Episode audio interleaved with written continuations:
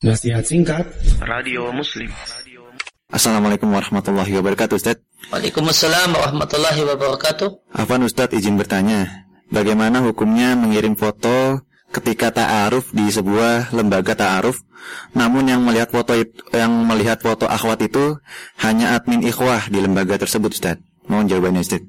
Uh, Adminnya admin laki-laki atau Laki-laki, admin Ustaz. perempuan?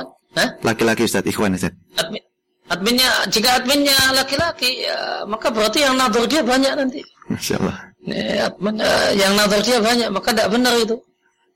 Ya, seandainya kemudian ada kebijakan untuk kemudian foto maka harus disyaratkan foto itu foto alami tidak diedit kemudian yang megang adalah eh, admin perempuan.